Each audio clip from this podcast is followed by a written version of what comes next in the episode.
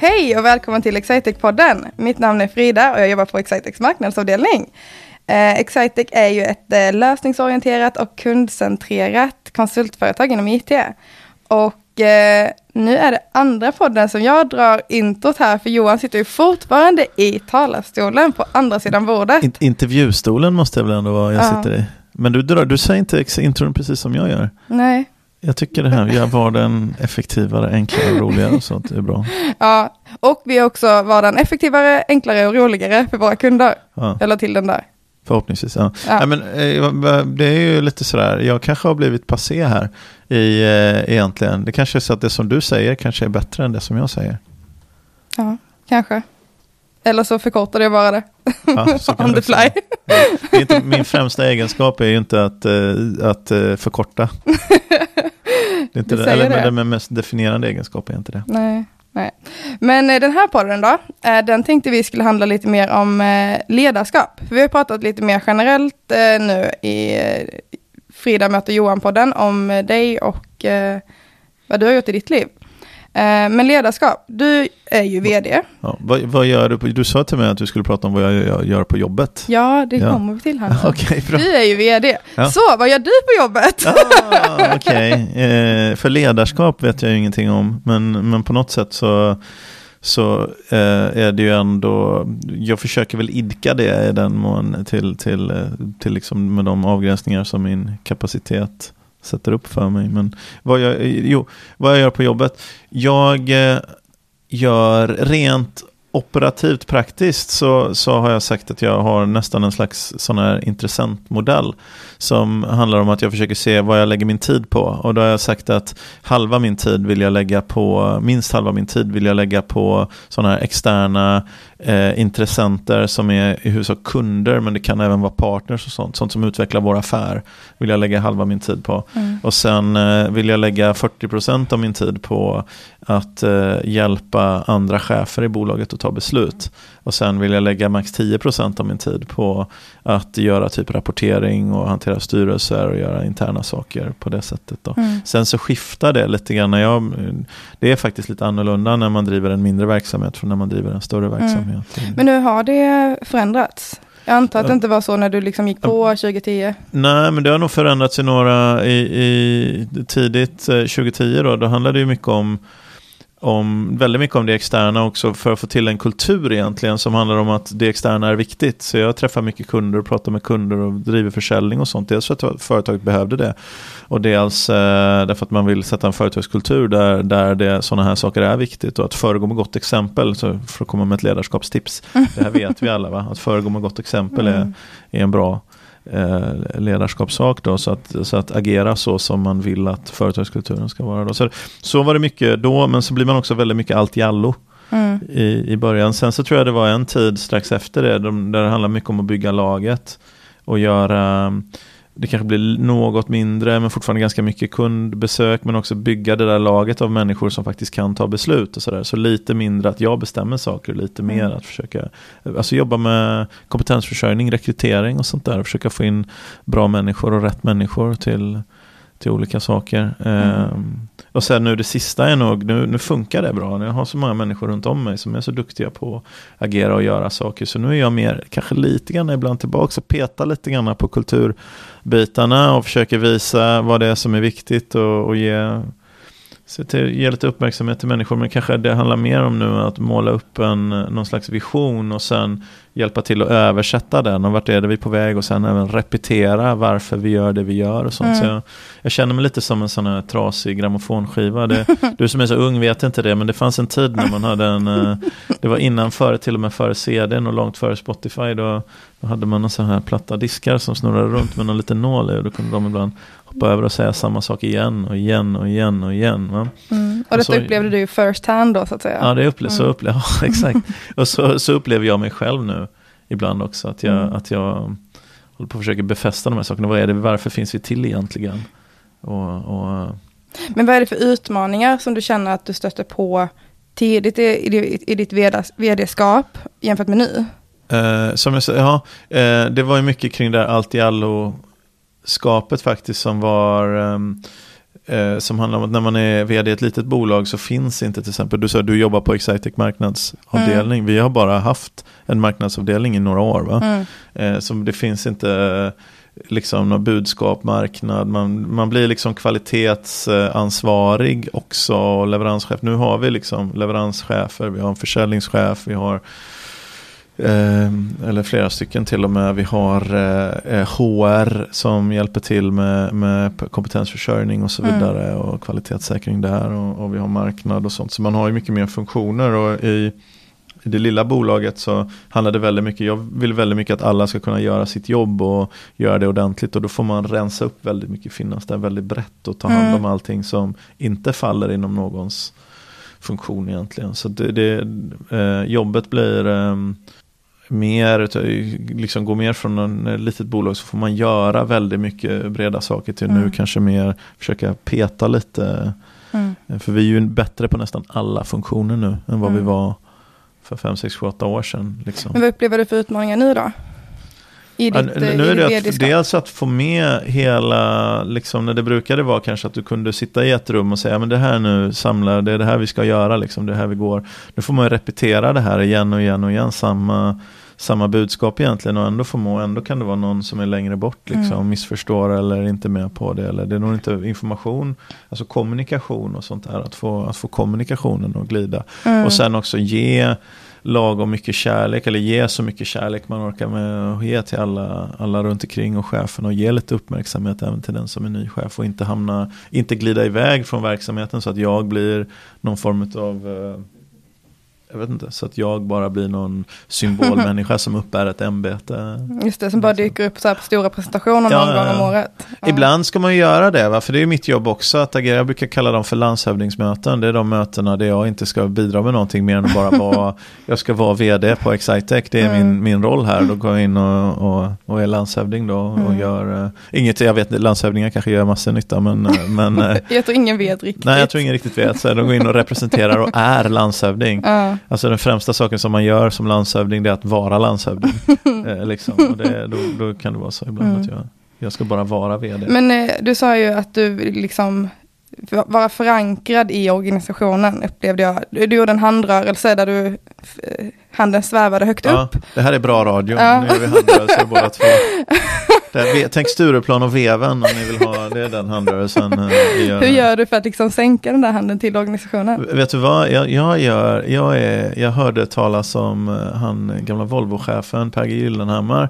Och hans gloria har väl varit lite på sned ganska många år. Men nog är faktiskt det på väg att, att hamna där de ska vara igen. För han var känd för att han gick ner på golvet liksom och Mm. kom överens med gubbarna om att nu ska vi bygga den här bilen och vi ska göra det Mm. jäkligt bra. Och så hoppade han över massa lager av mellanchefer. Och det har ansetts vara dåligt ledarskap i många år. Att han, han såg och klippte bort en massa människor och gick in och hoppade in i grejer som han kanske inte hade kompetens i.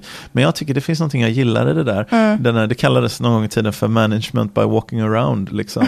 Man går runt och dyker in på grejer och säger vad gör ni här? Alltså, vad, inte, vad, vad håller ni på med här? Och sen så Mm. kan man visa sig i den här, något skeende som händer. Så, här, men kanske lite så, kanske Mm. lite så. Inte så att jag kommer in och vet hur man ska göra, för det vet jag ju inte. Men jag, liksom, man idkar, liksom, pytsar lite ledarskap lite, lite här och var. Då. Mm. Eh, Så, så, sen blir det lite godtyckligt och slumpmässigt för man kan liksom inte vara överallt. Nej. Så jag, jag, jag försöker, jag satt med en, en person som jag respekterar väldigt mycket som heter Lars Stugemo och han är vd på ett stort konsultföretag som heter HiQ och har varit det i 20 år. För jag, jag ringde upp honom och, och, och frågade så här, "Du, jag, måste, jag skulle vilja jag skulle vilja prata med dig för att, för att jag bara undrar, för du har ju varit vd här i 20 år eller 17 år eller någonting. Och Mm. hur håller du den här energin och fokuset och hur gör du, hur gör du eh, ditt jobb liksom och vad gör du? Och en, en av de sakerna som han berättade om det var att, att jo, när jag åker runt så, här, när jag åker till Göteborg eller något sånt där, där vi har ett stort kontor, då vill ju cheferna där och mellancheferna och de ansvariga, de vill ju helst låsa in mig i ett konferensrum och sitta och prata med mig hela dagen om Mm. deras strategier och verksamhetsplaner och sånt. Men jag försöker se till att ha hälften av tiden obokad och då hänger jag vid kaffemaskinen och snackar med folk bara. Så jag vill inte bli helt, jag vill inte åka runt och bara vara helt bokad på saker utan jag, Mm. jag åker runt och hänger. Mm. Eh, och då tycker man ibland som duktig, duglig vd så känner man så här, men jag kan ju inte bara hänga. Mm. Liksom, jag måste Mm. göra massa, vara ett gott föredöme här och visa hög effektivitet. Och göra. Men ibland så är det faktiskt så att mitt jobb kanske faktiskt är att, att hänga Mm. lite grann. Va? Så lite av det jag försöker få den här lutheranska liksom lilla apan som är på, nu är det bra radio igen för jag pekar på min axel här. Men, men, vi, eh, jag, Johan tror också att det är radio vi håller på med. Men, Ja, det är ju samma sak. Men, men, eh, men eh, jag försöker få bort den där eh, liksom lutherska lilla apan som, som säger till mig att Nej, men du måste vara dög, duglig och ha hög output här och sådär, Mm. vad var det? Och så kan jag inte sitta här bara och hänga och prata med Anders eller Frida liksom. mm, Men tänker jag, ja, men jag, ska nu, jag, jag utövar nog ledarskap nu, tänker jag då ibland. Och att Ja. jag får det. Ja. ja men det är bra. Ja. Ehm, men vad heter det då, i podd eh, 33 så pratade du om ledarskap. Och eh, då pratade du om strategier. För det, det känns som en sån sak man bara, ja men strategier det håller ju en vd på med. Ja. Mycket strategier. Ja. Vad, känns rätt så högt upp och svårt att greppa. Ja. Hur, hur får man en strategi att bli faktiskt någonting som ger resultat? Um, det där var ju en ganska stor fråga. Men eh, strategi som ger resultat. Jo, så här. Jag tror inte i alla fall, jag kan säga vad man inte gör. Man köper inte liksom en stor sån här strategy eh, liksom bok och bara och, och, och, bara tror att man hittar svaret i den. För den handlar så mycket om företagsstrategi utifrån, backa tillbaka till, är det här en bra marknad? Alltså från analysperspektivet, är det här en bra marknad? Är det här en, Alltså strategin, implementationen är ju det man, det man gör. Jag har brukat vara en eh, kraftig förespråkare i att, att hitta några saker som för dig i rätt riktning. Eh, och sen bryta ner dem till, till mätbara mål och att distribuera ut mål och riktningar. Så att man pratar om den stora riktningen, om vad vi ska. Men sen har rent eh, liksom ganska nedbrutna aktiviteter och mål som möter det och sen distribuerar dem så att det är någon som är ansvarig på varje sak. Däremot bara de senaste veckorna har jag läst lite mer om sådana här OK eh, OKR, eh, Objective och Key Results. Och, då, då, och den, den, jag märker att det liknar väldigt mycket hur jag har tänkt. Att jag, jag tror inte att det går att rita hela kartan. Alltså, jag tror inte att man, man kan säga så här, det här är målet eller visionen. Men jag tror inte att man kan rita, göra planen hela vägen till målet. Utan man får bara se, det här är några saker, några objectives som för oss mot målet. Och det är inte alla, det är inte fullständigt, inte hur, men det är några saker som för oss framåt. Och det här är några av de nyckelresultaten, eller några av de mätbara sakerna som, som händer som visar att vi är på rätt riktning. Då. Så att släppa då, OKR-tänket är, som jag har förstått det, att lite grann släppa tron på att man kan rita hela kartan och istället säga att om vi gör sak, några saker som för oss i rätt riktning, då tar vi ett steg mot målet och så kommer man närmare. Eh, så det korta svaret är, jag vet inte. Ja, bra sammanfattat där. Men eh, kan du så här, minnas tillbaka på din karriär och bara, där var några dåliga strategier jag kom med. Absolut, Eh, flera dåliga strategier. Eh, Nu brukar man försöka glömma de, de dåliga strategierna och mer fokusera på de bra. I och för sig. Jag tror dåliga strategier är ofta sådana som inte är förankrade i Mm. människors... Eh, om man tänker sig att vi... Vi tänker det var någon, någon som pratade om det här att vi är som är, jobbar som ledare ofta, har ofta ett slags maskinistperspektiv. Och att vi, är, vi ser det så här, det är input, output, effektivitet och det är det. Och alla förstår väl om vi säger det här ökar ju liksom Mm. effektiviteten och blir bättre output. Då vill ju alla göra det. Men många andra människor, är, många människor har mer ett sånt här, ett skråperspektiv eller något. Och det, läkare är väl det typiska som man pratar om. Att en ögonläkare brinner, alltså sjukhusledningen kanske brinner för maximalt antal patienter i genomflöde på sjukhuset. Men ögonläkare brinner för att respektera den som gjort den svåraste ögon ögonoperationen med hög patientnytta. Liksom. Hens eh, liksom, passion kommer från att göra sitt skråjobb bästa möjliga sätt och sjukhusledningen kanske vill ha ett flöde liksom, och är mer maskinister. Då. Så, så tänker jag dåligt ledarskap är egentligen, eller dålig strategi är en som inte är förankrad i människors, eh, vad de har sitt hjärta egentligen. Det vanligaste som jag misslyckas med det är att jag tänker ut till exempel att den här andra kringtjänsten borde kunna sälja. Det vanliga, det som gjort samma misstag tre gånger. Så tänker jag ut i olika företag, jag tänker ut att men visst måste man kunna sälja rena managementkonsulttjänster. Vi gör ju IT och IT är ofta ett verktyg, speciellt där i affärssystem och sånt där. Det är ju, då driver vi förändringsprojekt hos kunderna och utvecklar deras verksamhet med digitala verktyg. Liksom och sådär. Det är väldigt nära verksamhet, management consulting, då tänker jag visst borde vi kunna driva management consulting inom ramen för vår verksamhet. Det är ju så angränsande till det vi Mm. gör och det går aldrig. Mm. För management konsultskrået är, tror jag, inte intresserat av att det ska bli tekniktillämpning. De är, det är ett eget skrå där de Mm. De tänker på någonting och IT, de som är duktiga på det här affärssystemet, de tänker inte, ja, just det, de, de ser en fråga så tänker de, den här vill jag lösa inom ramen för det här affärssystemet. De tänker inte, hmm, det här låter som du behöver verksamhetskonsultation. Liksom. Mm. Så det fast det är två angränsande tjänsteområden, alltså leverera digitala verksamhetsstöd och att göra verksamhetsutveckling, så klarar de inte av att bo tillsammans i en organisation. Jag kan inte riktigt fatta varför, för nu Mm. jag, när jag pratar om det nu så tänker jag nästan, men visst borde det gå, tänker jag. Fjärde Att jag har gjort det tre gånger. Jag har gjort det här tre gånger och det har inte gått någon gång, även om Nej. jag varje gång har tänkt ut. Och jag tror att det inte är, att man liksom ser det, verkligheten från ett maskinperspektiv Mm. snarare än från ett skrå och passionsperspektiv och medarbetarna är i, Mm. i sina skrån. Så det, det, det är väl som något samlingsnamn, men annars har jag gjort jättedumma, jag har gjort en massa dumma saker. En annan vanlig sak är att eh, lita för mycket på vad folk säger och inte lita på vad man själv ser. Mm. Att inte våga lita på sig själv. Ta för lång tid från att verkställa ett beslut och gå in i en korridor och någonstans och känna att det här är inte bra. Här är det, Nej. inte, det funkar inte. Och sen säger alla, jo alla här är jätteduktiga. Alla är jätteduktiga och vi, vi jobbar bra tillsammans. Och så känner man, nej men det funkar ju inte så. Jag ser kunderna verkar inte nöjda och Mm. allting. Och så börjar man låta svansen vifta hunden. Så gör man listor och säger, ja men det är kaffemaskinen, det är dåligt kaffe Mm. och, det, och glasen är fel. Det finns ingenstans att parkera cyklarna. Och om vi bara hade, vi måste ha bättre garageplatser, vi måste ha nya garage. Det är det, för här på den här orten så måste man parkera, man måste åka bil till jobbet och måste ha bättre. Och för tjänstebilspolicyn, det är den som måste, och så ändrar man på åtta saker liksom. Mm. Som man inte tycker det var konstigt. Det brukar aldrig vara kaffe till kaffemaskinen som påverkar leverans, men alla säger ju det. Mm. Och så är man där, så ändrar man de åtta sakerna. Och så kommer man tillbaka och säger, men nu då, nu är det bra. Mm. Och säger, nej men det där, nej. Alltså det är ju fel, vi har inga loggor på kopieringspappret och, Nej, och ja. liksom inga jag har inte liksom någon företag och respolicyn här är för jäklig, Mm. traktamentet är för lågt och varför får vi bara bo på Scandic, jag vill bo på Elite.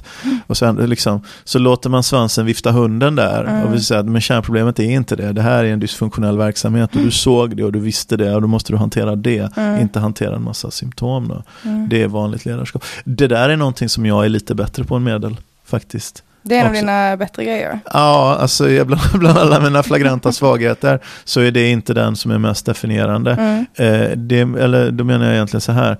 Eh, jag ser många andra ledare inte klara av att våga se verkligheten för vad den är. Mm. Utan de låter, de blir viftade. De börjar agera på symptomen. Alltså svansen viftar hunden. Mm. Det är, hunden ska vifta svansen, svansen ska inte vifta hunden. Mm. Så de vågar inte agera på det de egentligen ser, eh, ser henne. De vågar inte tro på det. Utan de hör folk säga massa olika saker och så tror de det är agerandet på alla saker de hör. Som är det som är jobbet. Men det är inte det som är jobbet. Mm. Det som är jobbet är att du måste sätta den här bilden av att det är hit vi ska. Och sen måste du agera så att det händer. Och alla, det handlar inte om att vara omtyckt av alla. Utan det handlar om att vara vara liksom uppriktig och tydlig med alla och så finns det en del som kan välja då att men jag ska inte vara en del, jag, jag kommer inte trivas Mm. och det här är fel. Men Du ska inte göra det. Det finns Mm. massor av andra, vi har en miljon företag i Sverige. eh, liksom. Mm. Flera hundra, liksom, hundratusen företag, men eller vad är det liksom? Med mer än 50 anställda har vi 25 000 företag eller Mm. någonting. Det finns så otroligt många ställen att jobba på. Så om du inte delar visionen och sättet att jobba och kulturen och de sakerna du inte vill det, då finns det som tur är liksom 25 000 andra arbetsgivare av liknande storlek. Men eh, du har inte alltid varit vd. Nej. Du har ju eh, varit i roller där du har haft chefer också. Ja. Har du stött på något riktigt, riktigt eh, så dåligt ledarskap? Vill du bara prata om det dåliga ledarskapet? Nej, men sen ska du leda in. Ah, okej, har du stött på något bra ledarskap? Ja, okej. Ehm, Så det kan vi ta sen då. Ja, men jag har en, en eh, ett riktigt, riktigt dåligt hände, eh, hände tidigt i min, i min karriär när jag jobbade på en utvecklingsavdelning där en chef eh, kom tillbaks och sa att eh, jag, eh, jag tror inte på det här men ledningen har bestämt att vi ska göra så här Mm. eh, framför till gruppen. Eh, och det kan jag säga, det är svårt att införa. Mm. Jag var nog den enda som kunde tänka mig, ah, okej, ja men ska vi göra det, ska vi göra det. liksom, men det går inte att, att driva. Man måste representera den icke närvarande parten. Så är du en del av en ledning och ska agera som ledare, så måste du, absolut, ni kan ha debatt, du kanske inte tror på det, men när ni har tagit ett beslut, då är det ditt jobb att representera beslutet. Mm. Om du inte kan representera beslutet, då måste du avgå. Eh, liksom. Mm. Det är också okej. Men, men eh, du måste, eller säga att jag måste bli bättre på att i forumet där vi tar beslutet representera vad jag tycker, Mm. göra ett bättre jobb och få igenom det beslutet jag eller kunna enas och, och förstå det här. Men man kan Mm. inte gå till en grupp och säga att jag, jag tror inte på det här men nu ska vi göra det. Mm. Det, det går inte. Det går. Det är riktigt dåligt ledarskap. Men en annan eh, dålig sak som jag ska vända till någon bra, för det här är den, jag vill ge lite kärlek till en eh, jag brukar ge kärlek till en tidigare chef som heter Thomas Hansson. Eh, som, jag vet inte om han var en bra chef, men han ledde eh, väldigt mycket. Han var väldigt mycket som ett bra exempel. Han var lite speciell, och så, men jag brukar ge lite kärlek till honom. Jag ska ge kärlek till en annan gammal chef som säkerligen aldrig kommer att lyssna på det här. Men han får alldeles för lite kärlek. Han heter Stefan Ek och han är Europachef på Society nu inom Capgemini koncernen, jag tror han är det i alla fall, jättestor verksamhet med tiotusentals anställda under honom då. Eh, han var så ruskigt konsekvent. Han var inte alltid den mest omtyckta kan man väl säga och inte den mest karismatiska och inte den mest, men han var så otroligt konsekvent i sitt ledarskap så han visste hur han ville ha saker och han var liksom klockan fyra på natten en söndag, klockan åtta på dagen en liksom onsdag i oktober, eh, i den 24 december, klockan 15 när Kalle kommer fråga honom, om- så, så, så, liksom fråga honom om en fråga. Sån otrolig konsekvens Mm. i vad han tyckte att det är så här man gör den här sortens verksamhet. Jag tyckte inte, han alltid, inte alltid han hade rätt. Mm. Eh, men det spelar ingen roll för hans konsekvens var så enastående. Mm. Och det tycker jag är ett föredöme. Mm. Att kunna vara så. Sen, sen kanske jag tycker själv att jag står för något med lite mer passion och hjärta. Och, eh, på vissa sätt. För han var, kunde upplevas som lite mekanisk. Men, men den här konsekvensen tycker jag är mycket, mycket bättre än vad jag klarar av att vara. Men ändå någonting som jag påminner Mm. mig om. Att, eh, att man kan faktiskt vara helt konsekvent och eh, i, i, sitt agerande och, och det blir en ruskig tydlighet och det blir en framgångsrik Mm. verksamhet av det. Det tycker jag var bra. Han gjorde en, ett misstag däremot, tillbaks, ett misstag som jag själv tyvärr har repeterat alldeles för ofta. Han kunde komma in till ett möte och glömma bort att det var han som var chefen. Alltså att jag, det påverkar resten av gruppen. Han tror att vi resonerar om det här och så säger han, "Nej, men så där kan man ju inte göra, vi måste göra så här. Mm. När han verkligen bara kände att han ville bolla. Mm. Eh, men alla sa det, jaha, nu sa Stefan vi ska göra så där. Han kan ju inget om det här, men Stefan sa att vi ska göra det, så då Mm. måste vi göra så. Mm. Eh, liksom det, det var en del som gnuggades åt fel håll av, Mm. eh, på grund av det. Och det var inte ett bra ledarskap, för han, Mm. han, man får inte glömma bort att man är chefen i rummet. Jag glömmer bort det hela tiden. eh, ju. Men, men, eh, men framförallt hans eh, på bra ledarskap, hans Mm. ruskiga, otroliga, konsekvent och uthållighet och att föregå med gott exempel utifrån hans bild av hur man borde driva den där sortens verksamhet. Men, eh, Men eh, nu har jag egentligen så här en eh, tusen frågor till ungefär. Men Mm. det känns som tiden börjar dra iväg från oss. Så en eh, superlätt fråga i slutet nu då. Tycker du att du är en bra ledare? I, ibland är jag en bra ledare och ibland är jag inte det. Mm. Vad tycker du? Du, du känner att det, det svaret räckte? Ja, nej, men jag, jag skulle vilja fråga dig, men det kanske är lite jobbigt här när vi, när vi, när vi spelar in och dessutom så är jag chefen i rummet. Men eh, det som vi har, så här, ibland är jag det och ibland är jag inte det. Jag eh, tycker att resultaten som vi har haft, och det kanske talar framförallt om resultaten på våra medarbetarundersökningar, där vi, där vi faktiskt har sett, vi har ett externt analysföretag som gör det här och vi, vi betalar dem inte för att ge oss utmärkelser utan vi betalar dem för att bara göra en mekanisk eh, undersökning och sätta in eh, jämfört med deras modell och benchmarka med andra, Mm. andra företag. Och vi har ju en av de absolut högsta eh, värdena som de har i sina mätningar på hur våra, våra medarbetare uppfattar hela liksom, arbetsklimatet och ledarskapet. Så vi, har, Mm. vi får ju väldigt bra mätvärden där, har fått in ett par år i rad. Vi har varit eh, topp 10 bland de gör, mäter oss 300-400 företag eller vad det var. Vi var topp 10 för två år sedan och nu var vi topp 3 eh, förra året. I den. Mm. Så att, så att Eh, och det, och det, jag är ju en del av det och jag har ju Mm. anställt många av de personalen som implementerar det här. Men jag tycker nog i snitt att många av de som är runt om mig är lite bättre än vad jag är. För jag är lite fladdrig ibland. Jag är bra på vision och inspiration tror jag. Men lite sämre på konsekvens Mm. och eh, systematik. Mm. Så ibland. Men är det den saken du, du, du är stolt över? Att vi har eh, nöjda medarbetare?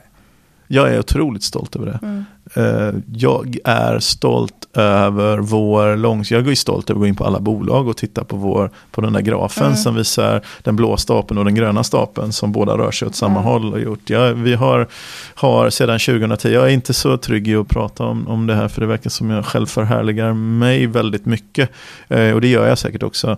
Och det är ingen skön egenskap. Men från 2010, jag började 2010 och vi har, eh, jag, jag signade på den första årsredovisningen jag signade på så omsatte vi 31 miljoner kronor. Och det var ju det var också ganska bra, men vi har haft tillväxt varje år.